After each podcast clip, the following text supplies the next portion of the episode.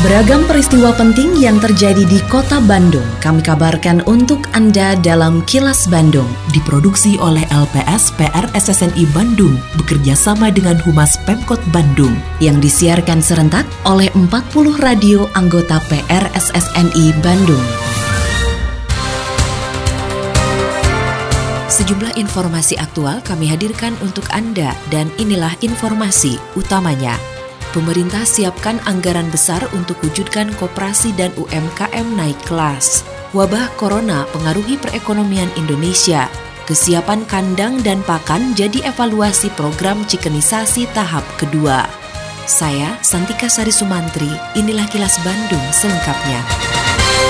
Sektor koperasi dan usaha mikro kecil menengah UMKM di Indonesia didorong untuk naik kelas. Menteri Koperasi dan UKM Teten Masduki mengatakan, pemerintah mengalokasikan anggaran yang sangat besar, yaitu mencapai lebih dari 220 triliun rupiah untuk pengembangan koperasi dan UMKM di Indonesia. Dalam sebuah acara di Bandung, Teten mencontohkan koperasi di negara maju yang masuk ke sektor industri saat ini bahkan melebihi sektor perusahaan besar. Meski begitu, menurut Teten, untuk mewujudkan hal tersebut, koperasi dan UMKM harus memiliki unggulan sehingga tidak kalah bersaing dengan korporasi. Bisa lebih dari 220 triliunan untuk UMKM. Sangat besar sekali. Jadi tidak ada alasan untuk tidak naik kelas. Nah, cuma tadi untuk keperluan naik kelas itu memang bisnisnya juga harus punya keunggulan. Nah, jadi sekali lagi saya mau geser kooperasi UMKM itu dari sektor produksi, sektor usaha yang marginal, yang peri-peri ke unggulan. Nah, kalau nggak begitu sulit naik kelas.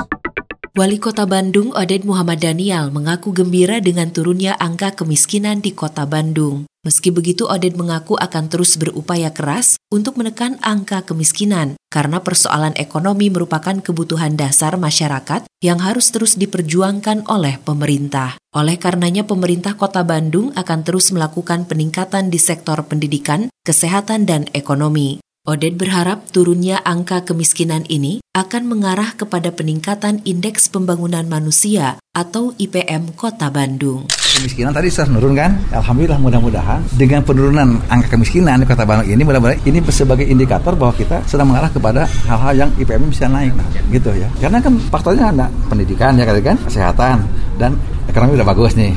Tinggal nanti kesehatannya terus kita dongkrak lagi ya. Pendidikan tetap kita dongkrak lagi. Investasi merupakan instrumen untuk menciptakan lapangan kerja, sekaligus pintu untuk mengurangi defisit neraca perdagangan dan dapat dimanfaatkan untuk meningkatkan pendapatan negara. Ketua Umum Himpunan Pengusaha Muda Indonesia atau HIPMI, Mardani Maming menyatakan, pemerintah boleh saja mengizinkan investor asing masuk ke Indonesia. Namun perlu ada kebijakan agar mereka tidak mengerjakan semua sektor dari hulu sampai hilir karena harus juga melibatkan pengusaha lokal. Menurut Mardani, para pengusaha lokal perlu diberi kesempatan untuk berkembang karena sangat berat jika harus bersaing dengan investor asing yang memiliki modal besar asing boleh masuk, tapi jangan hilir sampai hulunya asing semua yang mengerjakan. Berbagilah sama pengusaha daerah dan pengusaha nasional, sehingga kita bisa menjaga dan bersama-sama untuk saling sejahtera dan sosialnya pun akan berkurang karena semuanya menjadi sejahtera. Kalau orang kaya yang turun membangun kesejahteraan untuk orang miskin, maka PR dari negara orang miskin untuk disejahterakan akan semakin ringan karena turunnya pengusaha asing dan turunnya orang konglomerat-konglomerat Indonesia. Mungkin itu. Badan Koordinasi Penanaman Modal atau BKPM memprediksi bahwa penyebaran wabah corona atau COVID-19 ke sejumlah negara berkontribusi dalam mempengaruhi perekonomian Indonesia. Kepala BKPM Bahlil Lahadalia mengatakan, wabah corona yang penyebarannya dimulai dari Cina membuat pertumbuhan ekonomi Indonesia diprediksi terkoreksi hingga 0,6 persen. Menurut Bahlil, wabah corona memberikan dampak yang besar secara global karena dipengaruhi oleh tingginya kontribusi Cina terhadap perekonomian dunia. Corona ini memberikan dampak sistemik masif dan terstruktur dalam perspektif perkembangan ekonomi global. Kenapa saya katakan demikian? Karena kontribusi pertumbuhan ekonomi dunia dari China itu kurang lebih sekitar 16 persen. Dan analisa Ibu Sri Mulyani dan Bapenas mengatakan bahwa pertumbuhan ekonomi China akan turun menjadi minus dua, eh, sorry, terkoreksi 2 persen. Dari 6 terkoreksi 2 berarti tinggal 4 persen. Maka kita siap-siap terkoreksi dengan 0,6 persen. Assalamualaikum warahmatullahi wabarakatuh. Badan Kesehatan Dunia WHO pada tanggal 30 Januari 2020 telah mengumumkan kedaruratan kesehatan masyarakat dengan diumumkannya inspeksi virus corona dan telah diumumkannya dua warga negara Indonesia yang terkonfirmasi terinfeksi COVID-19. Pemerintah Kota Bandung melakukan upaya-upaya untuk melindungi seluruh warga Kota Bandung. Saat ini kami sudah berupaya seoptimal mungkin, namun masyarakat juga tentu perlu meningkatkan kewaspadaan yang sewajarnya. Tidak perlu takut dan cemas yang berlebihan. Kami menyadari bahwa kita semua semua ingin melindungi diri dan keluarga kita dari kemungkinan terkena infeksi COVID-19. Saya yakin apabila kita tetap bersikap tenang, bekerja sama, berikhtiar, dan berdoa, maka insya Allah kita akan bisa mengatasi semua tantangan ini.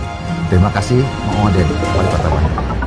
Kesiapan kandang dan pakan menjadi bahan evaluasi program pemeliharaan anak ayam oleh siswa SD dan SMP atau cikenisasi di Kota Bandung. Kepala Dinas Pangan dan Pertanian Kota Bandung, Gin-Gin Ginanjar, mengatakan adanya kasus kematian anak ayam saat awal program cikenisasi terjadi karena dua hal, yaitu kandang yang tidak memadai dan kurangnya pakan. Oleh karena itu menurut Gin-Gin, dalam program cikenisasi tahap kedua nanti, kandang dan pakan akan menjadi pertimbangan kandang yang tidak permanen. Kemudian yang kedua terkait dengan pakan yang banyak. Bukan banyak beberapa dikeluhkan karena kalau pakan ini membeli memang mahal. Makanya kemarin kan sebetulnya semangat kita bagaimana si anak untuk berkreasi yang pertama memanfaatkan sisa-sisa makanan termasuk mencari pakan alternatif. Termasuk dari kita juga beberapa kali mengadakan sosialisasi untuk pengembangan uh, pakan alternatif. Kini audio podcast siaran Kilas Bandung dan berbagai informasi menarik lainnya bisa Anda akses di laman kilasbandungnews.com.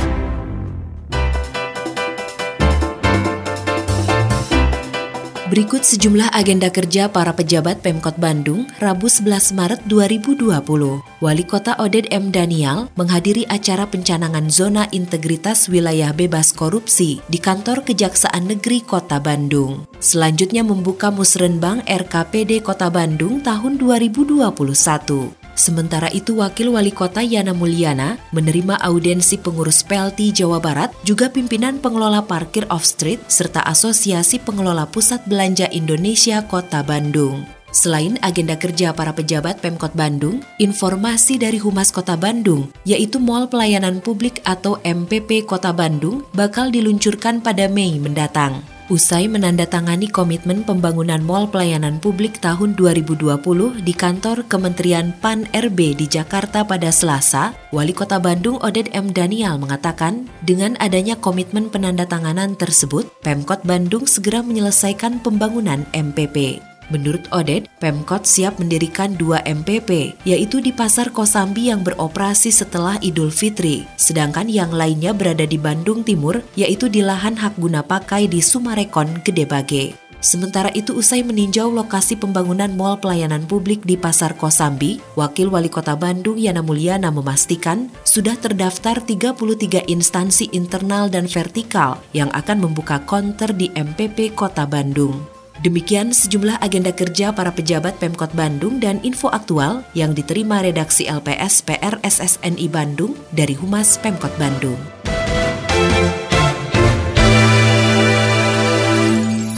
Terima kasih Anda telah menyimak Kilas Bandung bekerja sama dengan Humas Pemerintah Kota Bandung yang diproduksi oleh LPS PR SSNI Bandung.